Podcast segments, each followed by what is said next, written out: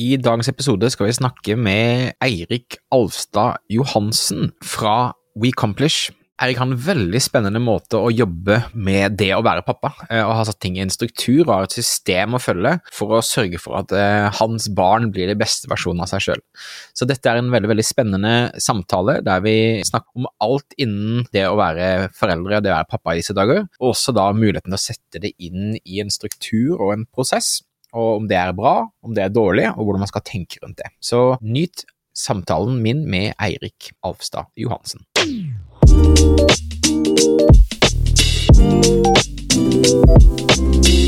Ok, Eirik. Eh, vi begynner med det spørsmålet jeg liker å spørre alle, eh, og det er liksom Hvor bor du, hvem bor du med, og hva er familiesituasjonen din? Jeg bor på Nordstrand i Oslo. Eh, jeg bor sammen med min kone og tre barn. Og min kone har jeg bodd sammen med i snart 20 år, vel. Og mine tre barn har jeg bodd sammen med henholdsvis 13, 11 og 8 år. Det er tre jenter. Alle jenter, kult. Ja. Og hva familiesituasjonen er da, det, eh, det kan en jo lure på. Det er en på vei inn i ungdomsskolen og to på eh, ja, en på barnetrinnet og en på, på mellomtrinnet. Med forskjellige livssituasjoner og forskjellige utfordringer. For de, Ja. Så eh, 13 år siden eh, første barnet. Dere har vært sammen i 20 år, var det det du sa? Ja. Ja, wow, det er I kult. hvert, hvert, hvert fall. Skal vi se, vi hadde 17 års bryllupsdag her om dagen, og så hadde vi vært sammen noen år før det. sånn 23, 23, 23 tror jeg kanskje det er. Ja. Ok, jeg har, jeg har sluttet å, å offentlig prøve liksom å huske å si hvor lenge vi har vært sammen, for det er liksom yeah. It all blends together. Eh, Men hvor, når dere da, for 13 år siden, når dere fikk den første jenten deres, hvor, hvor var dere altså sånn karrieremessig og forholdsmessig, og liksom Var det noe som var veldig bestemt, eller var det noe som skjedde? Kan du fortelle litt om det? Det er litt interessant. Eh, vi hadde ønsket oss barn en stund allerede da. Vi giftet oss ganske tidlig, vi hadde ambisjon om å få barn ganske tidlig. Det ville seg ikke helt, så det tok litt tid før vi fikk eh, første mann. Eh, på det tidspunktet så drev jeg et webbyrå med noen ansatte. Og min kone Jobbet hun i Ernst Young da, da, mon tro? Her går jeg litt i surre tidslinja her, sånn. Hun var enten eh, underveis og oppover å utdannet som revisor eller jobbet som revisor. Jeg, håper hun var jobbet som revisor, jeg håper hun hadde såpass god koll på, på tilværelsen vår at det, at det var det hun gjorde. Ja. Eh, ja. Ok, så dere jobbet begge to og jobbet eh, en god del, og så bestemte dere for å få barn, eller skjedde det, og liksom hvordan Nei, så vi bestemte oss, og vi prøvde å bestemme oss opp til flere ganger. Eh, Ja, Og ja. så tok det en, en to-tre år før det faktisk eh, slo til. Det er også noe som har fascinert meg, fordi at eh, det lille jeg fulgte med på undervisningen i ungdomsskolen, og de fortalte hvordan barn ble til og sånn, var jo at nesten, du måtte nesten ikke se på en jente uten, at hun, eh, uten kondom før hun på en måte ble gravid. Eh, og det jeg innser er jo, av mange av vennene mine jeg snakker med, så er det jo ja, En ting er å bestemme seg, men det er ikke sånn at du da bestiller det, så, og så blir hun gravid neste uke. Det er jo en lang prosess, og det er jo en tung prosess. Jeg husker med, med kona mi så holdt vi på eh, Vår datter er via sånn kunstig befruktning, og da holdt vi på i halvannet år, og det var litt av en eh, Det var litt av en kamp, altså. Mm. Ja, det, tok veldig mye mental plass i den perioden det pågikk. Eh, og vi var litt så akkurat på tampen, vi begynte å gå til, eh, til en lege for å få liksom input på dette her. Eh, etter at det hadde gått en stund, og det var rundt det da det begynte å Eller at det løsna. da. Mm. Men ja, det er, det er veldig lite Jeg hadde heller ikke Jeg visste heller ikke at det skulle være et problem. Eh, jeg regna med at så lenge jeg gjorde jobben min, så skulle det bare gå av seg sjøl. Ikke sant? Men eh, sånn var det jo ikke. Og, og øhm, da å gå fra full fart på jobb, stresset med å få barn over lengre tid, til da endelig liksom første jente var der, hvordan var den første tiden? Hvis, du- altså, vi lager jo alle bilder, det er jo lenge siden dette, men liksom, hvis du husker tilbake, hvordan, hvordan føltes det? Jeg husker ikke, eh, for å være helt ærlig. Eh, jeg kan sitte og se på bilder av eh, når de var liten. Vi, vi bodde i en Hadde nok litt mange prosjekter gående samtidig der. Vi hadde nylig kjøpt en, en, en, liten sånn skrivestue av en bolig som vi hadde planer om å rive og, og bygge nytt i. Så vi bodde litt sånn på, på en mellomstasjon. Mm. Det tok litt grann plass. Um, men jeg husker det ikke som um, Jeg husker det ikke, egentlig, for å være helt ærlig. Det er, det er Når jeg ser på bilder, så er det sånn Å ja, det, det, dette var også en person som levde det livet her. ja. Er litt uklart for meg om det er, det er meg eller ikke. Mm. Hodet mitt eksisterer veldig i, fra nåtiden og, og, fremover, så jeg er ikke så god til å hente opp bakover um, Hente opp minner, rett og slett. Hadde dere planer om tre barn hele tiden? Ja, det hadde vi. Hadde planer om å skulle få barn og tre barn fra jeg var veldig liten, egentlig. Jeg tenkte sånn, det, det var det jeg skal ha. Og det ja. tror jeg var liksom Mette også tenkte. Eh, og så tenkte jeg også om to ganger etter to. Eh, men eh, ja, det ble, det ble tre. Ja. Eh, og det Nå funker det veldig godt. Det var en periode hvor det i starten hvor det var litt ekstra tungt. Liksom fordi det var etter nummer to så var det sånn Hadde vært litt digg hvis vi var ferdig med bleier nå. Mm -hmm. Så det liksom, var litt mobilisering som måtte til for, uh, for å dra i gang tredjemann. Men det, ja. det, vi venta ikke så lenge, da. Venta uh, tre, tre, tre, år, ja. Jeg ser jo andre som venter lenger på tredjemann. Og da er jo mobiliseringsbehovet er desto eh, større. ikke sant? Så vil du anbefale de som vurderer å få mer enn én, å bare få det så fort som mulig? Ja, så fremt man føler man har kapasitet til det. Ja. Jeg må si jeg ser jo også mange som får veldig tett uh, Du kan jo være så uheldig i uh, å dra på med en, en tvilling, tvillingpar også, liksom. Mm -hmm. Og du må jo ha, må jo ha space da, til å ja. gjøre det. Ja. Uh, men uh, for meg så er det litt det er en vanskelig problem, syns jeg, det er når er det viktig tidspunkt å få barn. Du skal få det tidlig nok til at du har nok energi til å uh, gi til barna. Mm -hmm. Skal du ikke få det så tidlig at du ikke evner å være, at du ikke er moden nok eh, og reflektert nok til å være en god forelder. Mm. Eh, så ja, jeg er nødvendig med å gi noen noen fasiter her. Jeg føler vi traff eh, Skulle ikke vært noe tidligere ute. Jeg er litt glad for at vi ikke var tidligere ute enn det vi var.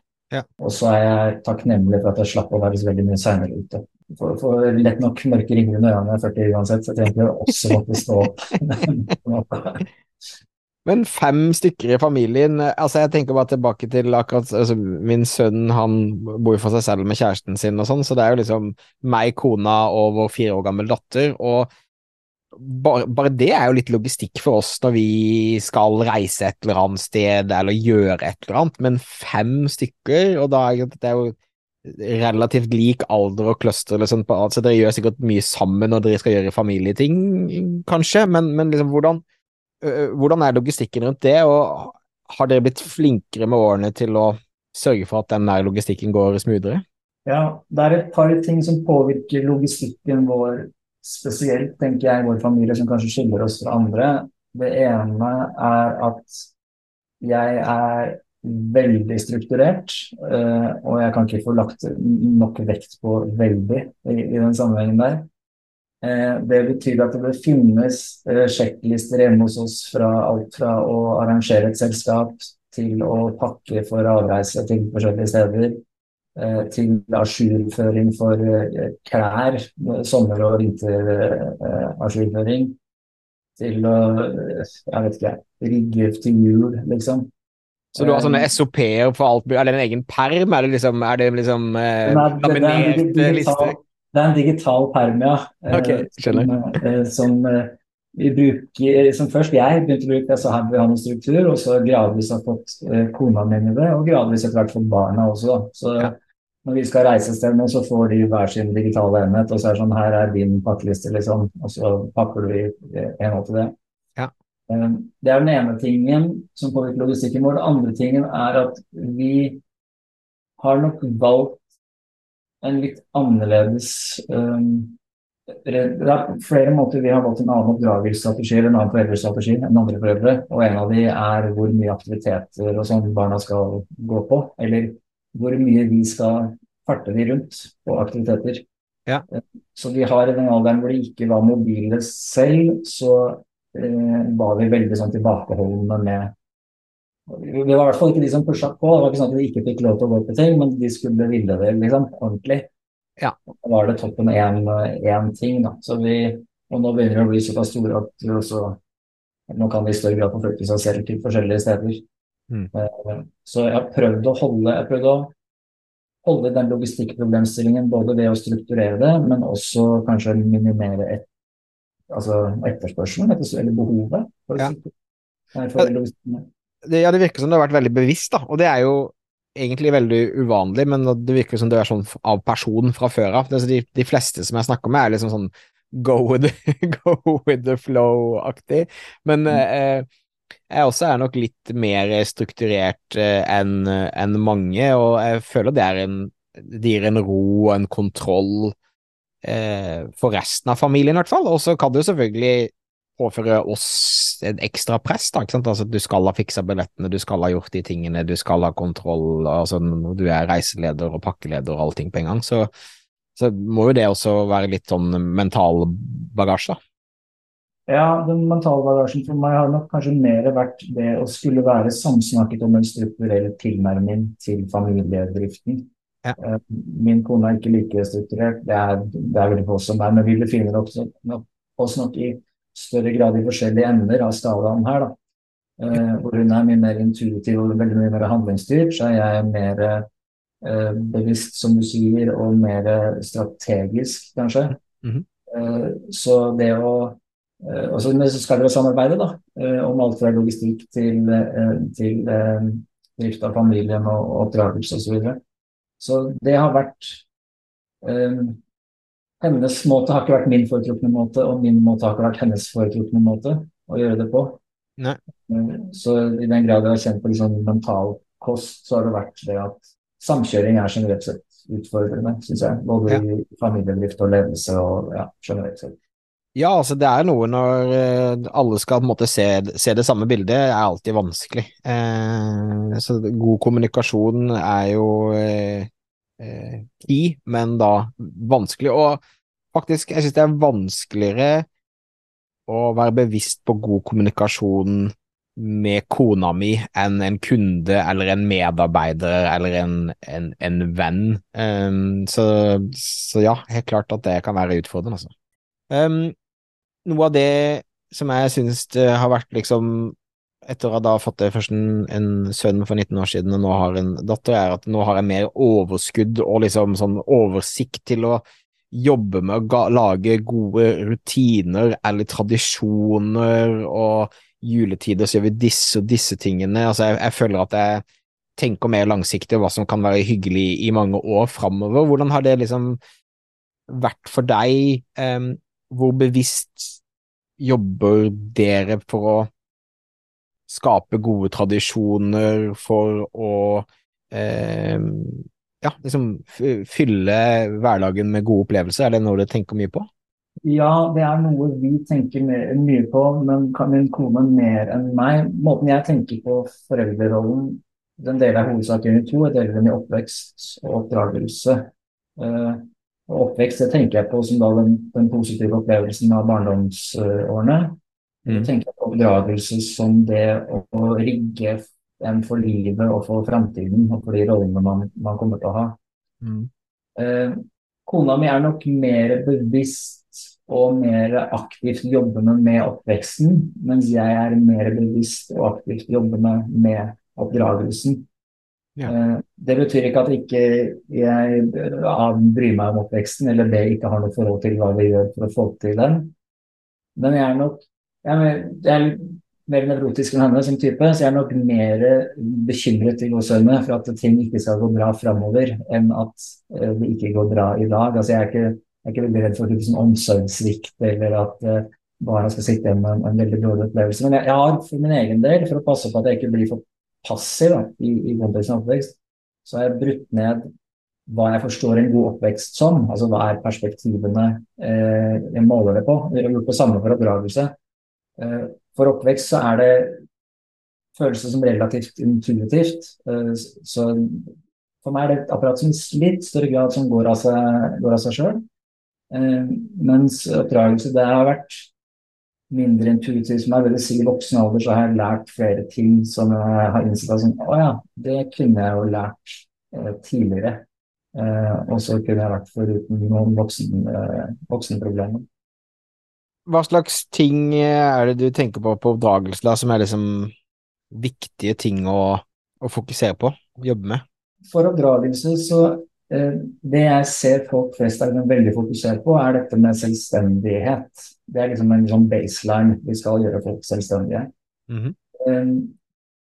Jeg fikk veldig mye selvstendighet med meg hjemmefra.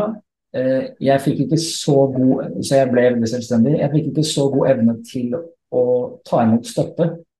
Eh, Dvs. Si, skjønne når jeg hadde behov for støtte, tørre å gå og be om støtte, skjønne hva slags støtte jeg hadde behov for. Ja. Eh, evne å ta den støtten til meg. Så dette er liksom forskjellige dimensjoner av, av livshåndtering, da, egentlig, tenker jeg. Selvstendighet er én, støtte er en annen. Ivareta mental helse er et, et perspektiv. Eh, god, gode livshåndteringsverktøy. Det er på en måte, for meg er den livshåndteringsbiten er litt større enn bare uh, selvstendighet. Mm -hmm. Og så er det uh, Den lista er mer lang, så jeg skal ikke gå inn i den nå. Jeg sitter og snurkikker litt på jukselappen min her. Men uh, den andre tingen som jeg kanskje tenker er størst risiko for at det ikke går av seg selv, er dette med selvbehandling. Altså hvordan man behandler seg selv. Ja, wow, ja. Så hvordan man opplever seg selv, eh, hvordan man bestemmer over seg selv, altså eh, selvledelse og eh, selvpleie, altså i hvilken grad man lykkes å ta på sin egen maske først og helt tatt skjønner hva det er for noe.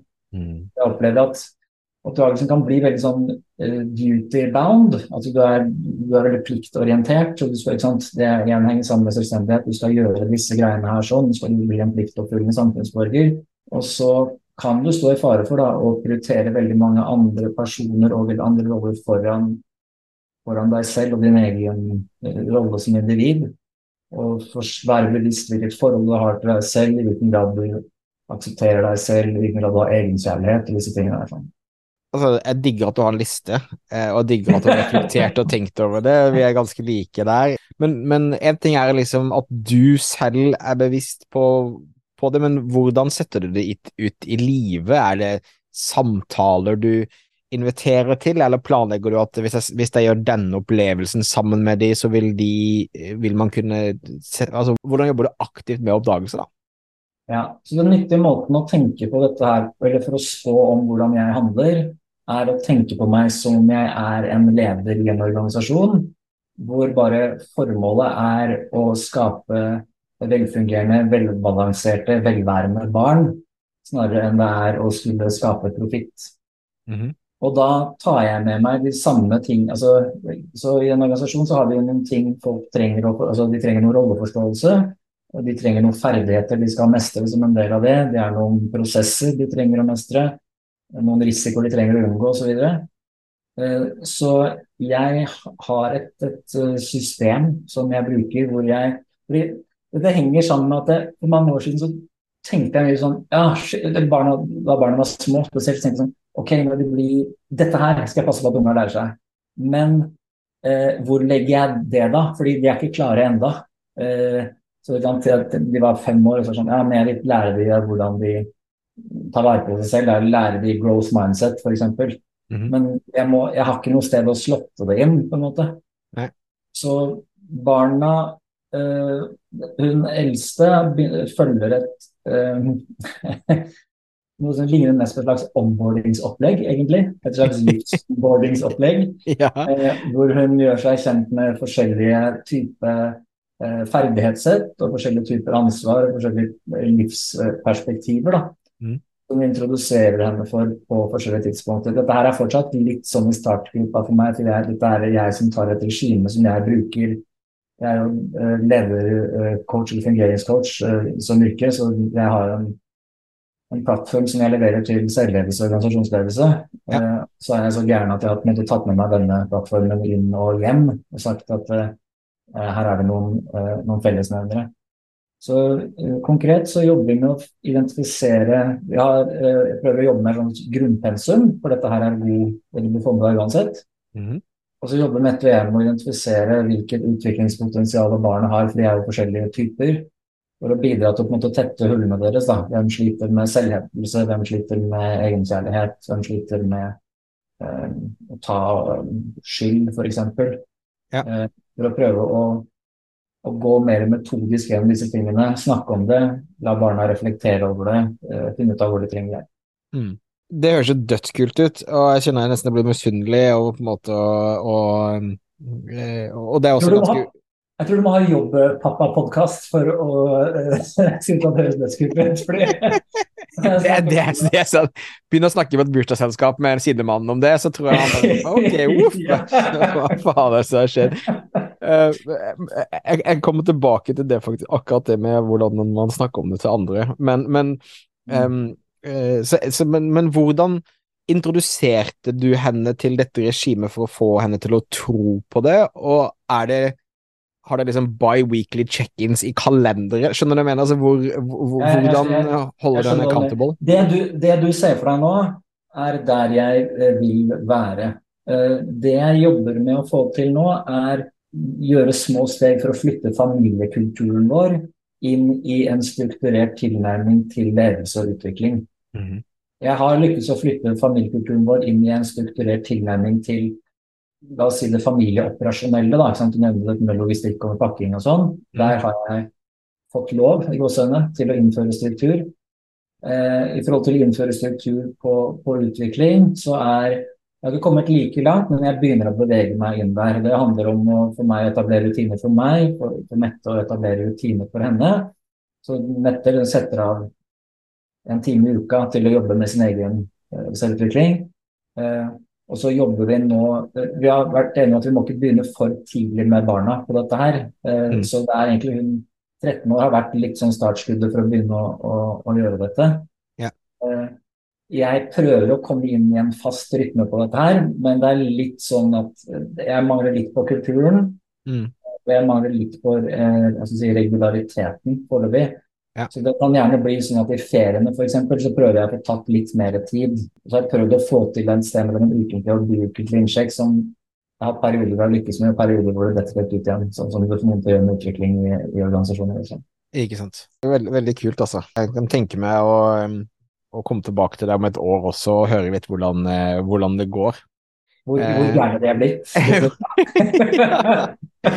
For å dytte samtalen litt, litt videre til et litt annet sted som jeg er veldig opptatt av for tiden. For det virker som du har, på en måte, har strukturen, og du har liksom dialogen og, og sånn rundt det. Um, egentid Du snakker om selvpleie, at du skal hjelpe de til å få selvpleie, men eh, selvpleie for deg, egentid for deg, eh, ventilering av og reflektering og sånn. Hvordan om eh, og hvordan jobber du eventuelt med, med det? For det er i hvert fall for å sette, for liksom peise deg inn på hva jeg kan tenke meg å høre mer om, så, så har jeg etter denne podkasten innsett at jeg snakker altfor lite med mine guttevenner om eh, følsomme ting, ekte ting, konflikter, få råd, få veiledning. Det er mest liksom morsomme gifs, og det er liksom high fives når vi møter hverandre, hvordan går det, ja, bra. Og så har jeg da begynt å implementere ting som at nå skal vi nå ha vår første eh, telttur eh, alene ut i skogen med noen gode venner som skal tilrettelegge for bedre prater og mer ekte samtaler enn liksom de kanskje litt overfladiske man har overskudd til når man har liksom lite søvn og, og eh, unge, unge barn og sånn. Men hvordan jobber du med deg selv, og hvordan jobber du, får du støtte av noen andre i forhold til å tenke, reflektere og sånn rundt, eh, rundt papparollen, familierollen, livsrollen din osv.?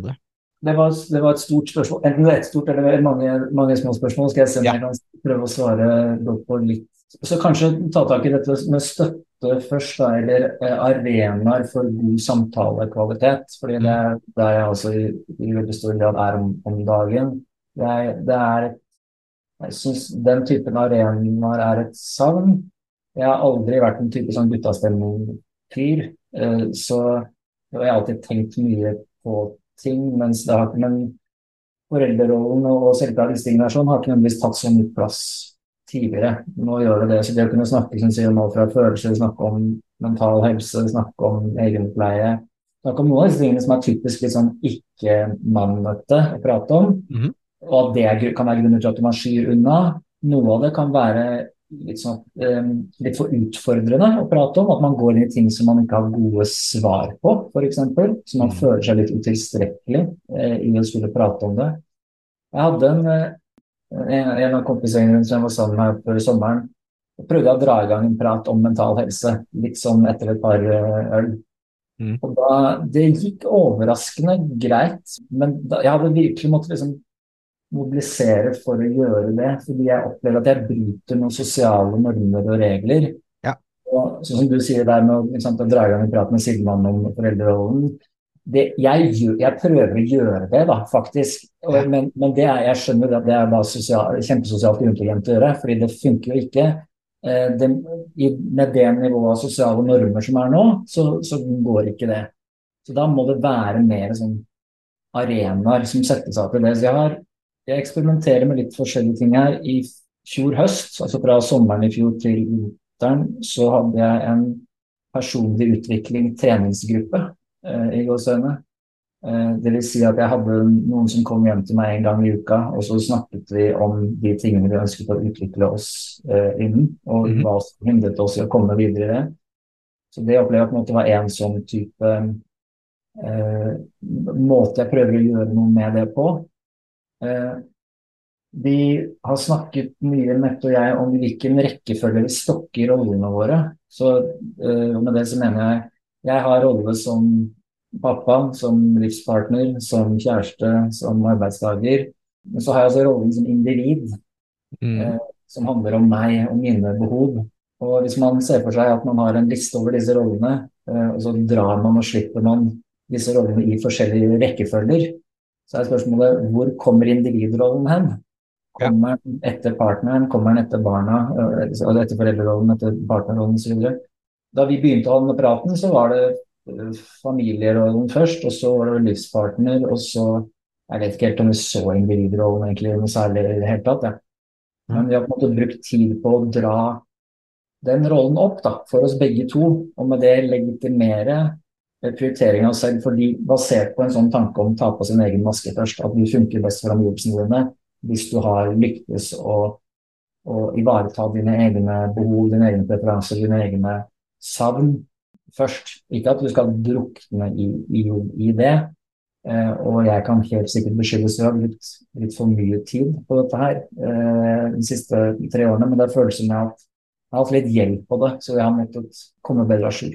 Mm -hmm. Du er jo nå i en fase din, din yngste er på åtte. Mange av de vennene jeg kjenner som på en måte er i den fasen du er i nå, eh, som er sånn fem-seks år til de fleste er på vei ut av hus og, og den type ting, er, er, ofte litt sånn slitne, de er litt sånn lost, de er litt sånn leitende, i hvert fall av mine venner. Kanskje sier mer mine venner enn eh, folk generelt, men eh, det jeg kunne gjerne hvis, hvis, du liksom gjensetter deg i den coaching-rollen, da, altså hva, hva slags hva slags ting ville du råde til en pappa som deg til å ha fokus på i denne tiden? Hvis man, hvis man, fortsatt har energi som et problem, så tenker jeg da er det en indikasjon på dårlig selvpleie. Så det, og det må man nesten løse først. Da. Jeg tenker Innen man når denne alderen for barna, eh, hvor ikke de står opp på natta og, og, og sånn, så burde ideelt sett ikke energien først og fremst være problemet. Mm. Eh, hvis, eh, hvis man har energi, Eh, så merker jeg at da er det litt sånn foreldrestrategisk avhengig av hva man gjør. Noen har litt en tilnærming til foreldrelån at jeg skal, jeg skal, ha deg boende hjemme til du er 18 år, og så får du klare deg selv. På en At det er en, en, en en klokke som teller ned til jeg ikke lenger ha, trenger å ha ansvaret for deg. Eh, mens andre har litt mer jeg skal enable deg best mulig. da eh, til å posisjonere deg best mulig. I den grad her er det en utfordring med det å opprettholde god nok tillit i ungdomsårene til å kunne ha den dialogen. ikke sant? Få lov til å hjelpe, at ikke bare man blir sittende med på rommet sitt eller sittende foran eh, skjermen eller noe sånt noe. Absolutt. Så, så jeg investerer mye Jeg er veldig bevisst på å passe på at jeg opprettholder det, den tilliten jeg trenger å ha for å kunne opprettholde en dialog. Det er viktigere det enn at jeg skal dra noen gjennom noen uh, utviklingsprogrammer. Ja. Jeg vil gjerne ha den tilliten. Og så er jo spørsmålet da egentlig hva vil du hva håper du da å få ut av disse unga her? Ja. Eh, hva er viktig for deg? Er det å få installert noen verdier i de? Mm. Det, har du noen tanker om hvem det er som lykkes mer og mindre godt med, med, med livet, og hva som er årsaken til det? Og lære de det man mener er viktig. Men jeg ser jo mye for, foreldreskap blir veldig reaktivt. Det er jeg ser deg, nå ser jeg du gjør noe dumt, så jeg går inn der og sier ifra at det er dumt, liksom. Ja. Fremfor å ha en litt mer proaktiv, litt mer bevisst og litt mer strategisk forhold til foreldrerollen. Ja. Og når jeg sier det, så vet jeg ikke om det er en Kanskje det er å kreve for mye av folk. Jeg, jeg har klart å finne nok energi og lyst og motivasjon til å gjøre det. Mm. Eh, andre blir liksom Ja, men det er ikke det det er ikke denne oppdragelsen jeg fikk. Det er vel ikke det som er oppdragelse. Eller her gjør du det for stort og for vanskelig og sånn til eh, at jeg er komfortabel med det du sier. Og så slutter middagssamtalen da, med, med det, kanskje. Ja, for uh, siste spørsmål fra min side. Um, jeg føler det er en stor forskjell på vår, altså vår generasjons tilnærming til oppdragelse og uh, våre foreldres og deres foreldres igjen. Har du noen tanker og refleksjoner eh, rundt det? Ja, jeg tenker at det har, hvilken informasjon vi har tilgang på, har endret seg. Og så Mm. tenker jeg at kulturen og deres sosiale normene har endret seg. Jeg vet ikke helt om jeg, jeg, jeg tenker det her, her skjer liksom generasjonene endre seg nærmest sånn på tiårsperspektiver. Så noe for noen så er endringen mer sånn helikopteraktig eh, type foreldreskap. Mm. Jeg ikke nødvendigvis tenker er konstruktivt. Men nå er det jo så lett tilgang på altså Det var ikke noe vanskelig å finne ting på Google heller, men nå med ChatGPT er det i hvert fall ikke noe vanskelig å finne informasjon om, om psykologi, om atferd, om egenkjærlighet. All informasjonen er veldig lett tilgjengelig. Så hvis du tar på deg foreldrehatten og du forstår det som en, en person som skal enable folk best mulig, så er informasjonen veldig godt tilgjengelig nå. Det var den ikke før. Da måtte du gå på biblioteket liksom, og lese om dette her. Mm. Så jeg tenker vi har kompetansemessig mye bedre forutsetninger enn før for å gi barna våre en oppdragelse, en god oppdragelse. Vi har oppmerksomhetsmessig mye dårligere forutsetning enn før for å gi barna våre en god oppdragelse, fordi det er så mye som konkurrerer om, om oppmerksomheten vår. Så for å kunne nyttiggjøre den kunnskapen, så må vi være desto hardere på å verne om egen tid og oss selv og sånn, for å kunne posisjonere oss til å kapitalisere på den kunnskapen vi disponerer. Mm. Ja, det synes jeg er en veldig god refleksjon, og du kan si spesielt den oppmerksomhetsgreia er noe som ikke jeg hadde tenkt så mye på at det er stor forskjell, men det er jo selvfølgelig det. Det er mye mer støy nå, og mye mer, ikke minst eh, dingser og aktiviteter man kan gjøre som en voksen relativt passivt, som bare gir deg sånn dopaminhit som gjør at du føler deg bra, selv om du ikke har det bra, ikke sant? Så det er liksom Mm. eh, Du kan waste mye tid på det der. Mm. Ja, men vet du hva, Erik, dette synes jeg var eh, kjempeinteressant, eh, og så kommer jeg til å eh, følge deg opp om et års tid og høre litt om hvordan eh, denne mm, coaching-delen av eh, papparollen går og sånn. Det synes jeg var kjempeinteressant å, å høre om. Og så kjenner jeg det at eh, det å ha litt eh, eldre barn, og det å la de kunne transportere seg sjøl til forskjellige aktiviteter, og det til å eh, legge opp ting på hvordan man kan hjelpe dem med Jeg synes at du sa selvbehandling, selvpleie og selvledelse er liksom veldig gode ord og knagger som jeg liksom tar med meg videre, at, at jeg vil jobbe enda mer med å gi min, min datter spesielt verktøy på. Så um, takk, for, uh, takk for tiden din, og så bøgger jeg dem et års tid om hvordan, uh, hvordan opplegget ditt går. Det gleder jeg meg til. Jeg glimrer.